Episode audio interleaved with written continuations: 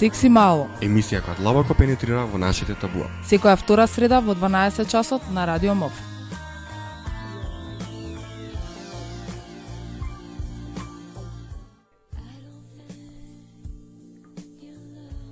Здраво на сите слушатели на Радио МОВ. Хера повторно во виртуелниот етар. Така, еве на повторно се едно ново стикси мало. Во студиото денеска сме во малце поразличен состав. Значи, јас се вратив од Бугарија. Јуху! Ја останав на исто место. А ние тука, ни го нема Вела, значи Вела, поздрав до Вела најпрво, Поздрав, на да. почеток на емисијата. Повторно во студиото со нас денеска Елина. Здраво, Здраво. Елина. И имаме уште еден нов член на нашиот тим, малце го шириме сега. Јас би му кажала да се представи сам. Здраво на сите, Кристијан Ангелевски. Така, значи, нашиот е, релативно нов и млад волонтер, ентузијаста, ни се приклучува денеска во нашето секси мало. Многу интересна емисија.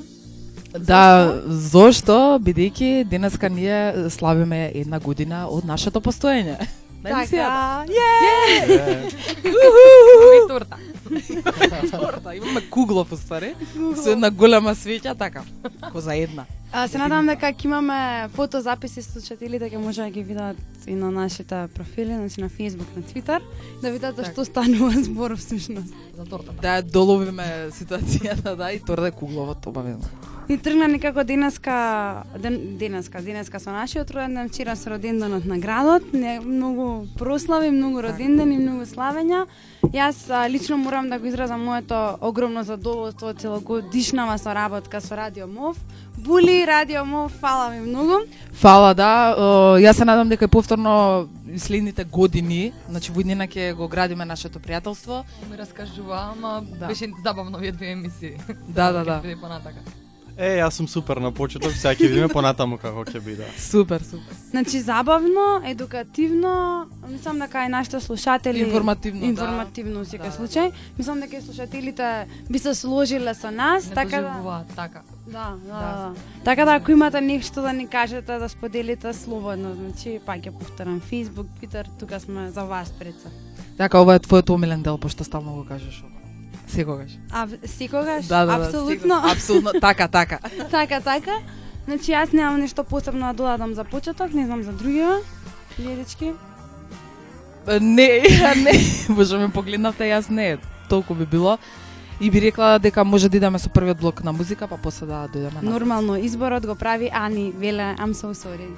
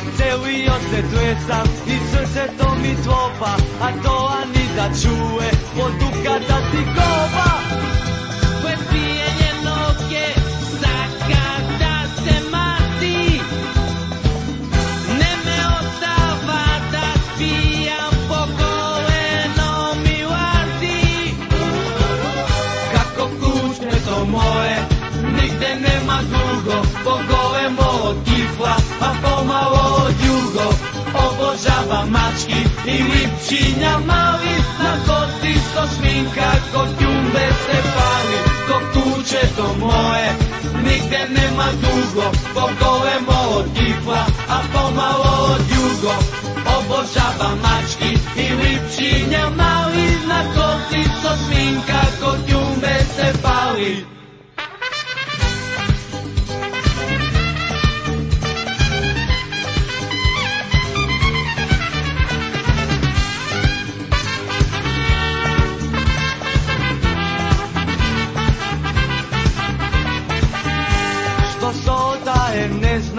možda ptića mi je Ama gole melak ima na jajca da spije. Да спие Чиме меѓу коњи, од нервоза врие Одма бара дупче, на темно да се скрие. За изложба не, ама добро е по душа Крв неке да гледа, ни окања да слуша. Скока на сите што сакаат да пуша Со опашот мрдаш им го чешкаат за куша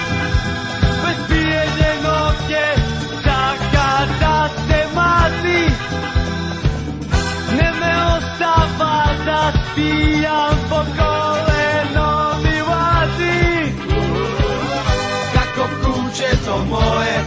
Nigde nema dugo, Od od kifla A pomalo od jugo Obožavam mački I lipčinja mali Na koti so sminka Kod ljube se pali.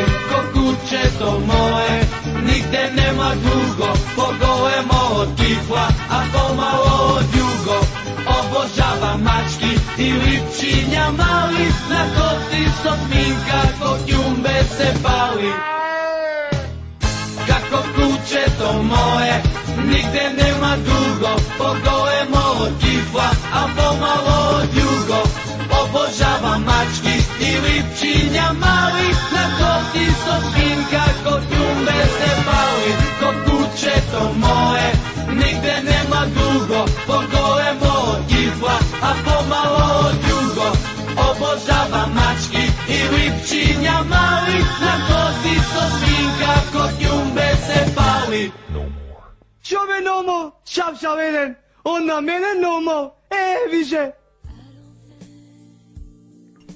Здраво, еве на нас повторно назад во емисијата Секси мало. Оно што всушност сакавме денеска да ви го кажеме е дека нашите центри нудат една нова услуга, дека ќе имаме оддел за превенција од употреба на дроги. Инаку за оние кои што не се информирани, имаме центри еден во Шуторизари на селбата, еден на Водно, кој е лоциран во амбулантата Водно, отворен е секој работен ден од 10 до 17 часот, понеделник, среда и петок, и во вторник и четврток работи од 10 до 19 часот. За услугите кои ги нудат, може да ни каже нешто повеќе еве новиот член наш, како помлад волонтер. Значи јас имам таа да кажам чест да ги представам услугите кои што ги нудат центрите на Хера. А, услугите кои што веќе ги знаат младите или пак еве сега прв пат ги кажуваме се гинеколошките прегледи и советувалишта кои што ги нудиме, исто така дерматовенеролошките прегледи, хив тестирањата кои што се строго доверливи и бесплатни, психолошките советувања, врсничката едукација која што секако извршуваат професионален тим и секако дистрибуцијата на кондоми и едукативни материјали. Токму така. Значи, а, во однос на сите услуги, не само хефтестирање, тоа би сакала да истакнам дека се прават на доброволна, на волонтерска база, значи никој на светов не може нас да на натара да дојдеме нели да побараме некаква услуга, тука едноставно треба на вистина да осетиме сами, да почувствуваме потреба, не знам, да се тестираме, да речеме. Исто така работиме на принципот на анонимност, никој нема да дознае кој, како, зошто дошол во нашите центри. А, исто, Бесплатно исто да. дека се овие тестирања, значи се скроз бесплатни, не треба не знам, да имате книжка здравствена или плави Упат. картони, упат, да, пари, значи се е бесплатно, доверливо, анонимно. Да, извини што те прекинав, она што најчесто ги интересира младите, дали се сите работи бесплатни, значи да, контрацепцијата, кондомите, услугите се е бесплатно, значи слободно може Така, да се да. обратите. Е, иде на за овие центри иде по принципот на закажување, нели се јавувате во центарот, си закажувате термин во зависност од тоа каква услуга барате. И подоцна нашата тетка Марија таму ќе ве запише во списокот за кога може да дојдете слободно и зашто сакате да да се прегледате или да се советувате независно од вашата услуга. Да, може чисто да дојдете еве Кико спомна врснички едукации, да се информирате, може би би сакале чисто за совет да разговарате со некои од луѓето кои што работат таму, не мора да значи дека стриктно се доаѓа за прегледи, тестирање и слично. Марија а, е во центарот на Водно, Ленча е во центарот Така. во Шуто Ризари, би сакала уште еднаш да ви ги кажам броевите на кои што може да се јавите и да ги закажете, нели, оние работи за кои, кои што ви требаат. Значи на Водно е 3176-950, додека во Шуто Ризари е 2651 Значи тоа се броевите на кои што може да се јавите, да закажете, а на нашата веб страна hira.org.mk може да се информирате точно кој ден каква услуга нудат нашите центри. Така, Така да. Да. Повелина, да, да, да, слободно. Ништо само сакав уште еднаш да повторам за новитетот дека имаме, значи ново советувалиште за превенција до потреба на дроги. Тоа е како еден новитет да од во склопот центарот сакам да знам. Водно. А, Значи, да, Водно. на водно. од во понеделник и петок знам дека ги запамтив дека се Да. ова советувалиште дека може да дојдете и да се информирате за употреба од други. И тоа би било тоа од мене, не знам. За превенција до потреба на За превенција, така да, Да, од да. употреба на други. Она што се однесува како повеќе информации за самото советувалиште, нашиот тим, значи тимот на Секси Мало, направи интервју со Весна Матевска, која што е всушност одговорната личност за ова советувалиште, така да во продолжение мислам дека можеме да го проследиме тоа интервју. Најпрво здраво Весна. Здраво, здраво. Многу ми е драго дека прифати нашата покана за учество во новото Секси Мало. Фала ти. Фала и на вас за поканата. Задоволство ми е да сум со вас. Баш ни е драго и нас. А, плюс, на сето тоа, ова ни е роденденска мисија, јубилејна, славиме роден ден, прв роден ден. Среќен роден ден и уште многу, многу успешни емисии како и досегашните и се надевам дека повторно ќе не викнете да бидеме заедно со вас. Обавезно, значи се надевам дека соработката ќе продолжи и со вас, и со МОВ, дека ќе имаме понатаму успешна работа, значи во наредната година која што е пред нас. А, во секој случај мислам дека е доста за роденденот да се вратиме малку на онаа тема која што подлабоко ја разработуваме денеска, односно нашите младински центри, сакам да знам, посебно оној центар на Водно каде што имаме еден новитет, советувалиште за други. Значи, најпрво, бидејќи ти си нели координатор на тој проект, би можела да ни кажеш нешто повеќе за за советувалиштето, колку време функционира, на пример, и слично. Значи, како што и самата напомена, Советувалиштето за превенција до употреба на други функционира во Младинскиот центар Сакам да знам. А, тоа е само еден дел од целиот проект што го имаме со поддршка на град Скопје. а, проектот е Советувалиште и едукација за превенција до употреба на дроги помеѓу средношколска популација. А, Советувалиштето значи започна да работи во септември оваа година Така? и е наменето за сите средношколци во град Скопје. Дополнително доколку некој има интерес и желба да дојде, а не е од град Скопје, не значи дека ќе го вратиме, значи добро дојдени се и сите оние што се надвор од Скопје, меѓутоа од практични причини бидејќи во Скопје, рековме дека ова е советувалиште за средношколците од град Скопје. Меѓу другите, значи, може да дојдат и основци, може да дојдат и заинтересирани родители, може да дојдат и стручни служби и тимови од училишта, доколку имаат потреба од некаква информација или советување. во однос на употребата на други, а и не само на други, туку и на останати психоактивни субстанции, па и а, алкохол и цигари. Така, значи секој еден кој што има потреба од информација, од до едукација, да да потврди нешто што веќе слушнал, знае, не знае, може да се обрати во советувалиштето. Така, во советувалиштето, значи, како што кажав, може да дојдат родители, може да дојдат заинтересирани средношколци, ученици од основни училишта, стручни тимови, да не се фокусираме дека зборуваме само за тема од превенција од употреба на дрога, превенцијата од употреба на дрога подразбира и комуникацијски вештини и разрешување на конфликти, значи, се она што младиот човек може да го направи е, поранлив, по е, може може да го направи поранлив и може да го а, наведе да употребува некоја од психоактивните субстанции или другите. Значи, за секоја проблематика за која имаат потреба да разговараат, може слободно да се обратат во советувалиште. Така, Весна. а може ли да ни кажеш плюс кога работи ова советувалиште, значи кога младите луѓе или било кој што е заинтересиран, како што веќе кажа, може да дојде во центарот, сакам да знам. А, Советувалиштето е во понеделник и во петок отворено во периодот помеѓу а, 14:30 и 16:30 часот. Меѓутоа, од понеделник до петок за сите информации, како и за закажување на термин доколку некој сака да се советува и по телефон, може да се направи советување по телефон, може да се обрате значи сите заинтересирани на 3176 950 и Мислам на тој дека- начин значи, Извини што прекинам, мислам дека нашите слушатели на повеќе наврати веќе го имаат слушнато бројот од младинскиот центар, меѓутоа секогаш убаво да се повтори. За сите информации, значи може слободно да се јават на овој телефон, може да закажат се, да закажат термин за советување или како што напоменав да се советуваат телефонски.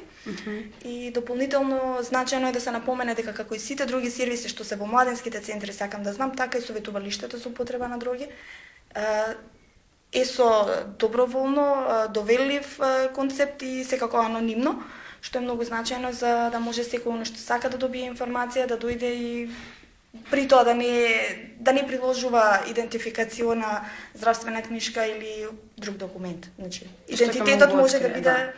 апсолутно с- скриен и многу поедноставно младите луѓе може да се решат да дојдат затоа што сепак е, анонимноста е многу значајна.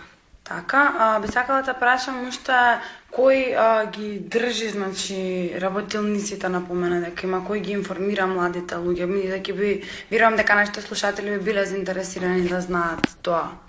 Советувачите значи се обучени советувачи и психијатри.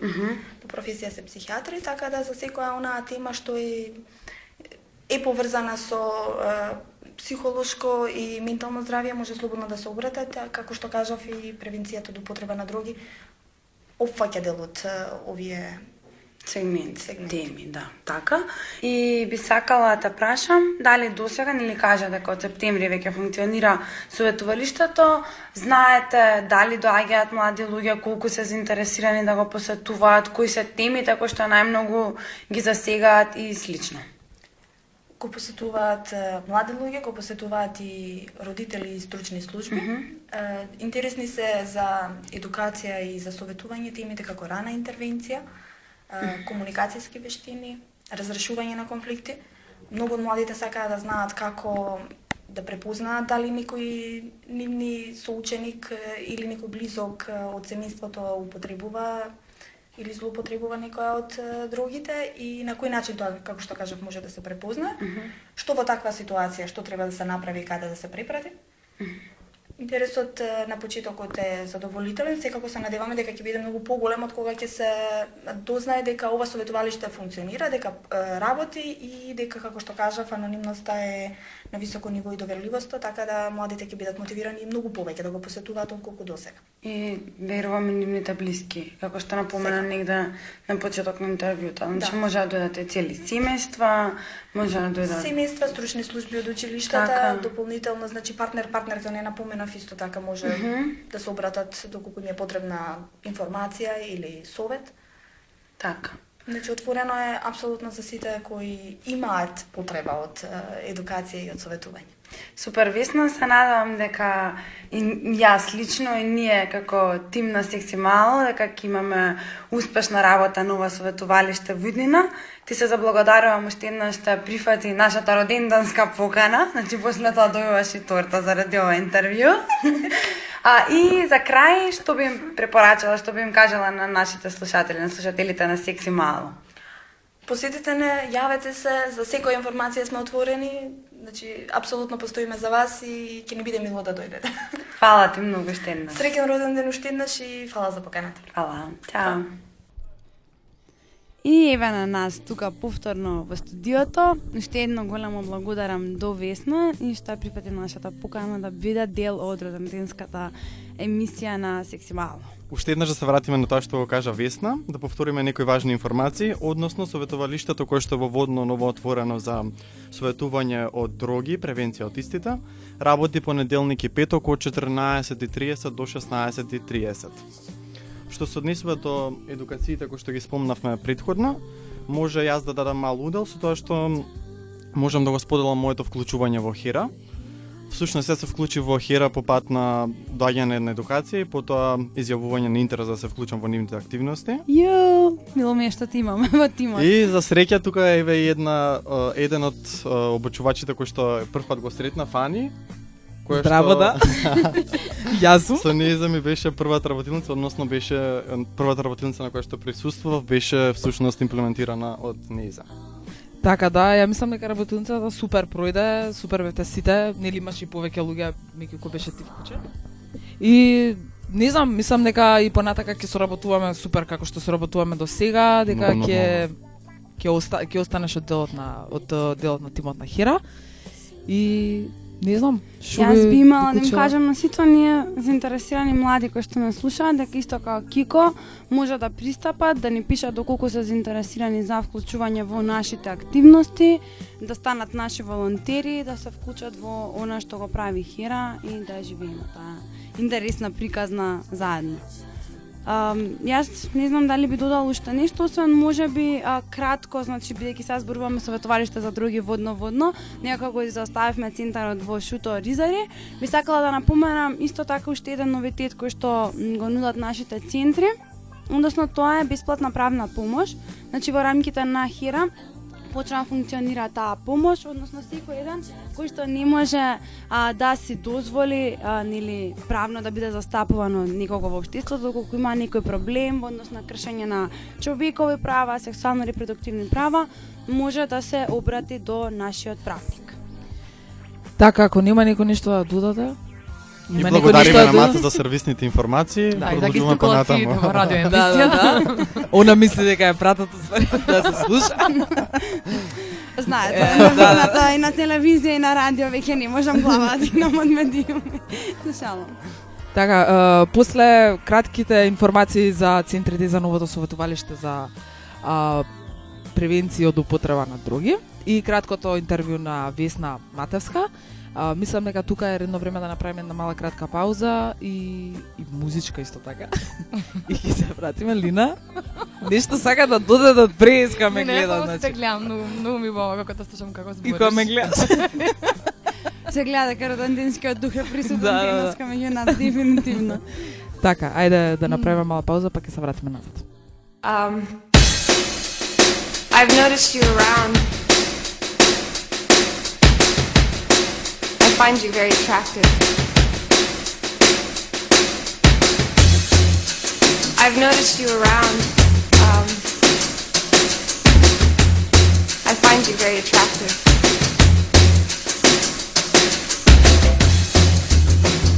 I find you very attractive. Um, would you go to bed with me?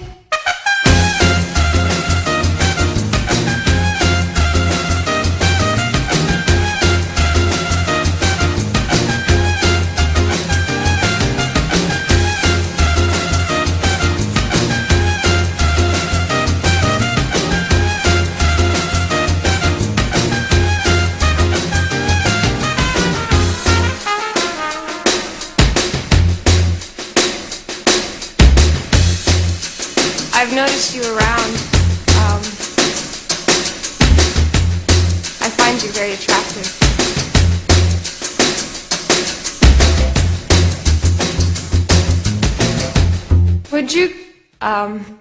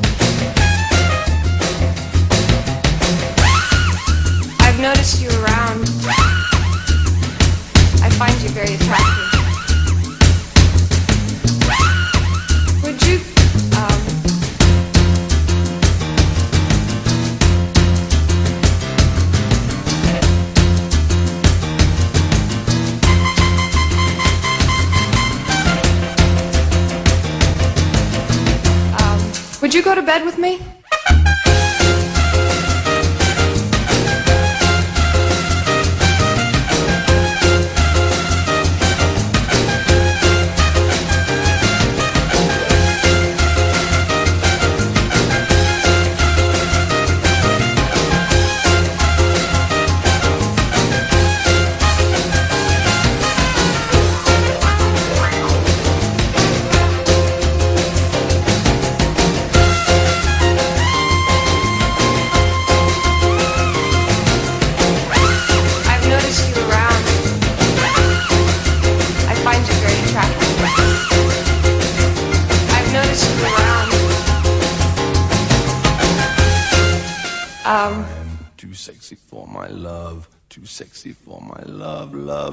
going to leave.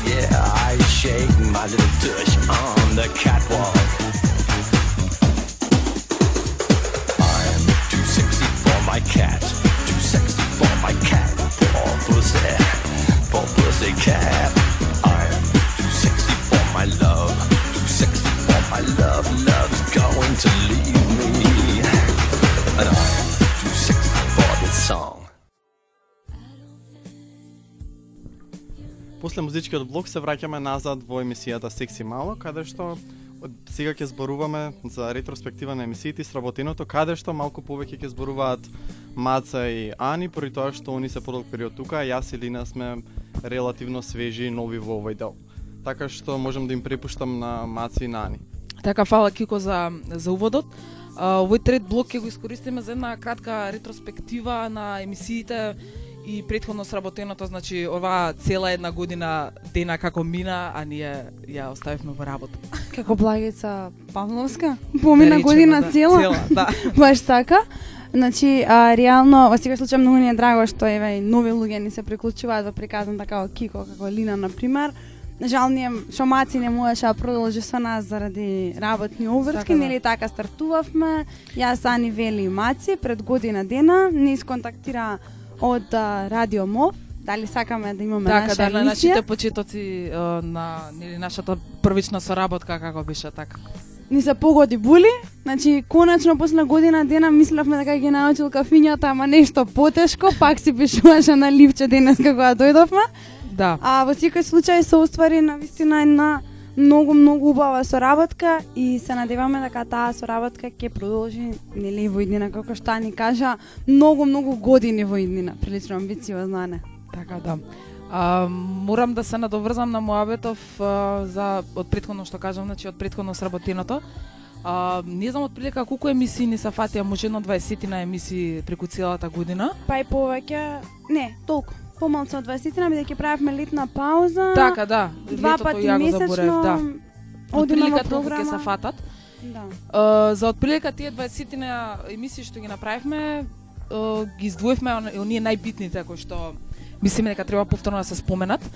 А, значи ја веднаш би почнала универзалната декларација за човекови права, Односно, И- емисијата која што Емисија, општо ни се а, однесуваше на, на човековите права, на нивната, мислам, како цела ситуација кај нас во, во држава со човековите права и што всушност представуваат тие, бидејќи имаме заклучоци од она што го работиме со, со младите луѓе, дека и не баш сите се информирани околу оваа тематика, иначе Були покажува тука од страна дека имаме 18 емисии во изминатата годините, да бидеме Така, да. прецизни со со бројката. А, исто така морам само да се надоврзам на оваа емисија дека а, покрај нели универзалната декла- декларација за човекови права исто така го споменавме и документот за сексуалните права. IPPF, веќе зборувавме Така, да, пред две емисии. претходно за зборувавме, да. IPPF.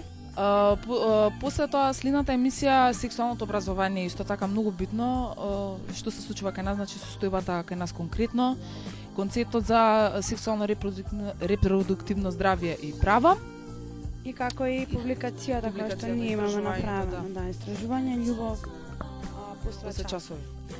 А, исто така емисијата мажите кои што имаат секс со мажи МСМ. А, што повторно кај нас како каква е ситуацијата што се случува, законските одредби, политики и културолошкиот контекст.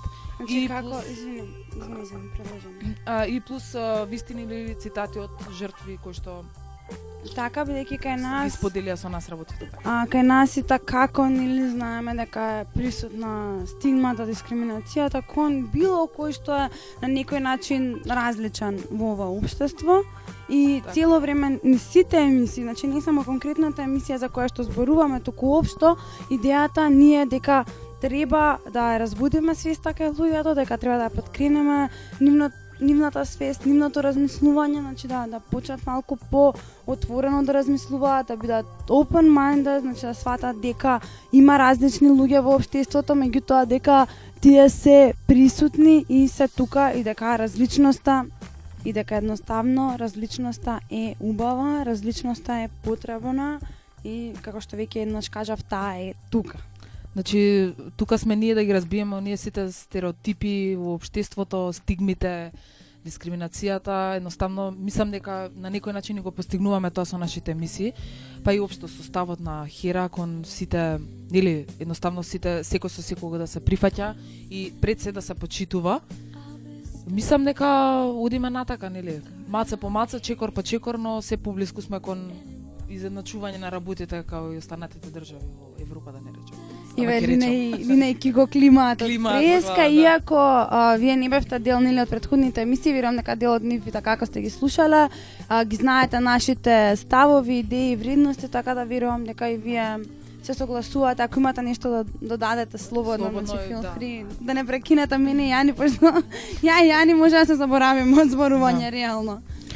Uh, одам понатака јас, значи исто така uh, важна емисија беше за ЛГБТ по- популацијата и така како uh, зборувавме за ова, uh, што тоа представува, што тоа значи конкретно и исто така историјата кај нели историјата и uh, ситуацијата кај нас.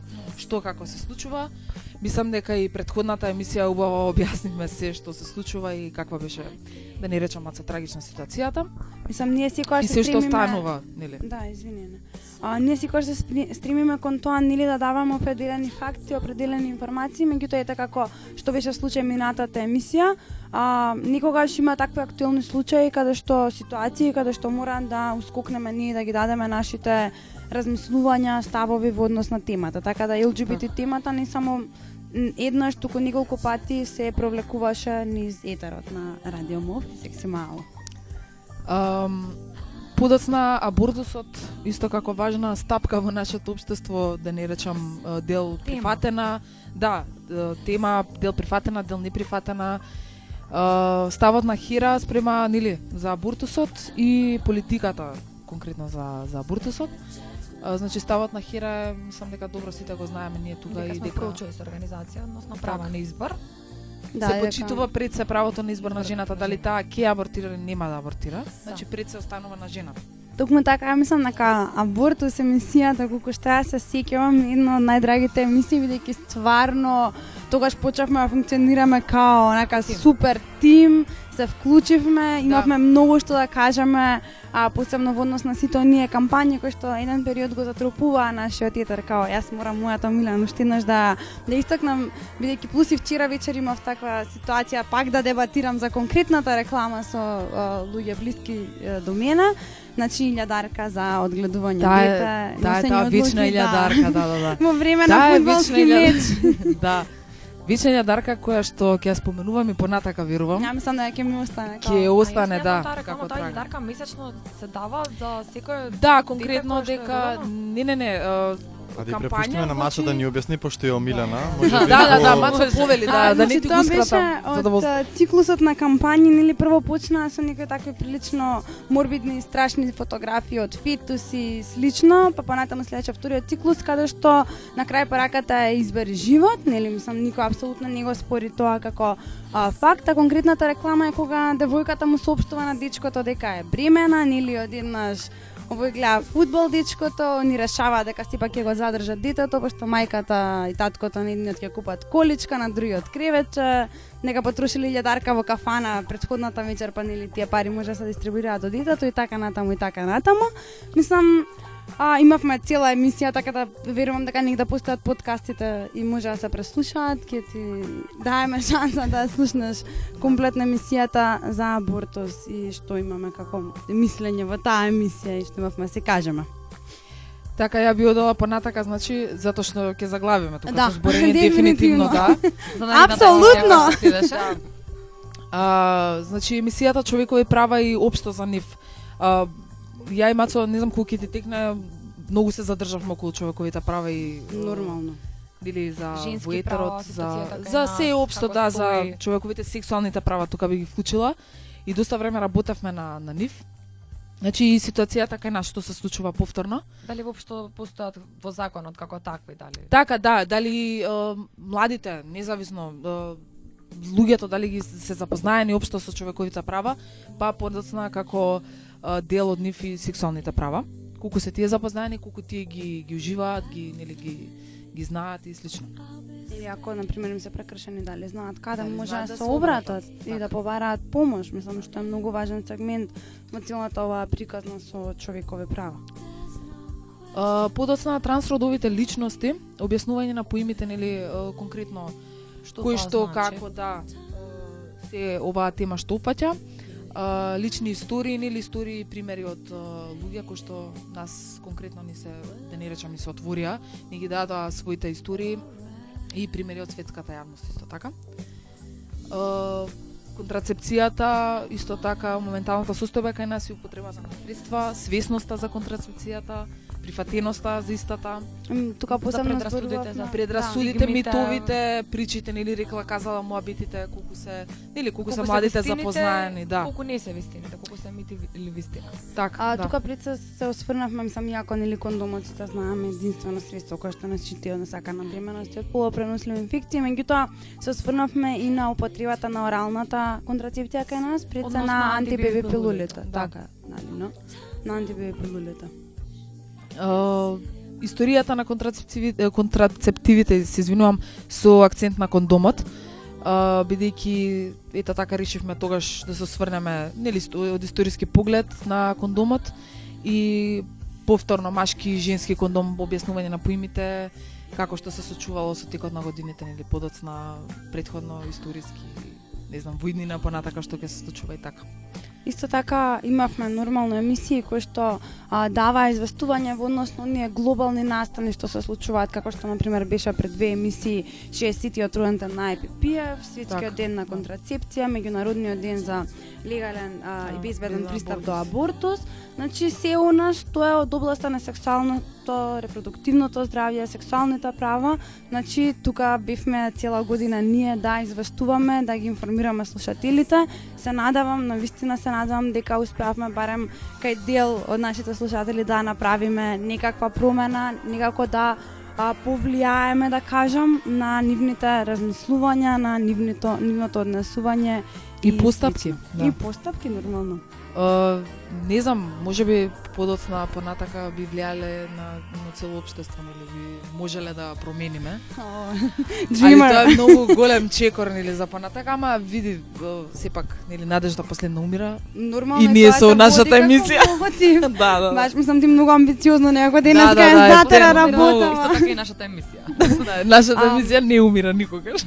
Ја она што би сакала исто така да го кажам за изминатава година е големо благодарам до сите луѓе кои што ни помогнаа и учествуваа во реализацијата на Секси Мало. Пред се тимот што сме тука, да. а исто и Радио Мов начело со Були, значи Були веќе не го Були следам кој што беше на почеток. Значи супер комуникација си направивме со Були, Були фала ти и до секој еден кој што прифати покана за нашите интервјуа. Значи Весна, Жарко, Не знам, заедно мало извинување, да, да, да, мало извинување што нема да споменеме имиња или слично. Uh, би рекла едно огромно фала до сите активисти пред се, до сите кои што придонесоа заедно посилни неформалната група. Uh, не знам, секој еден кој што изрази желба да да учествува нашите пријатели, нашите не знам познаници вработените во Хера така. Сите оние кои што не обкружуваат фактички. И мислам дека се ближиме кон крајот. Еве спомнавме нешто заедно посилни, неформална група, тоа би било една мала најава за она што би било наредната наша емисија. Така, ја мислам дека ја дури би го оставила насловот за за следната Иако- емисија да не го откриеме сега. Така, иако верувам дека луѓето веќе не поистоветуваат со оној датум кој што се ближи, Така. така дека оставаме мала неизвестност. Што ќе се случува понатака? Мислам дека би знаеле малку, меѓутоа да, оставаме Да. простор. А, што се однесува до мене, јас толку имам да кажам. Да, чај од мене. Лина колку беше строга. да, да, чао од мене. Добро, пријатно и од мене. Тука некаде и јас се одјавувам, така што и останува уште на маца да каже нешто и Самаца не кажа ништо цела емисија. Она само климаше, држеше микрофон у рака. Добро, значи прекинувајте ме кога ќе претерам со зборање за Не, не, наредната година совет. а, благодарам уште еднаш до сите. А, среќен роден ден дечки на сите нас и мислам дека може да стечеме торта. Јеј! Час. одиме на Чао. сечење торта, чао. Секси мало. Емисија која длабоко пенетрира во нашите табуа. Секоја втора среда во 12 часот на Радио МОВ.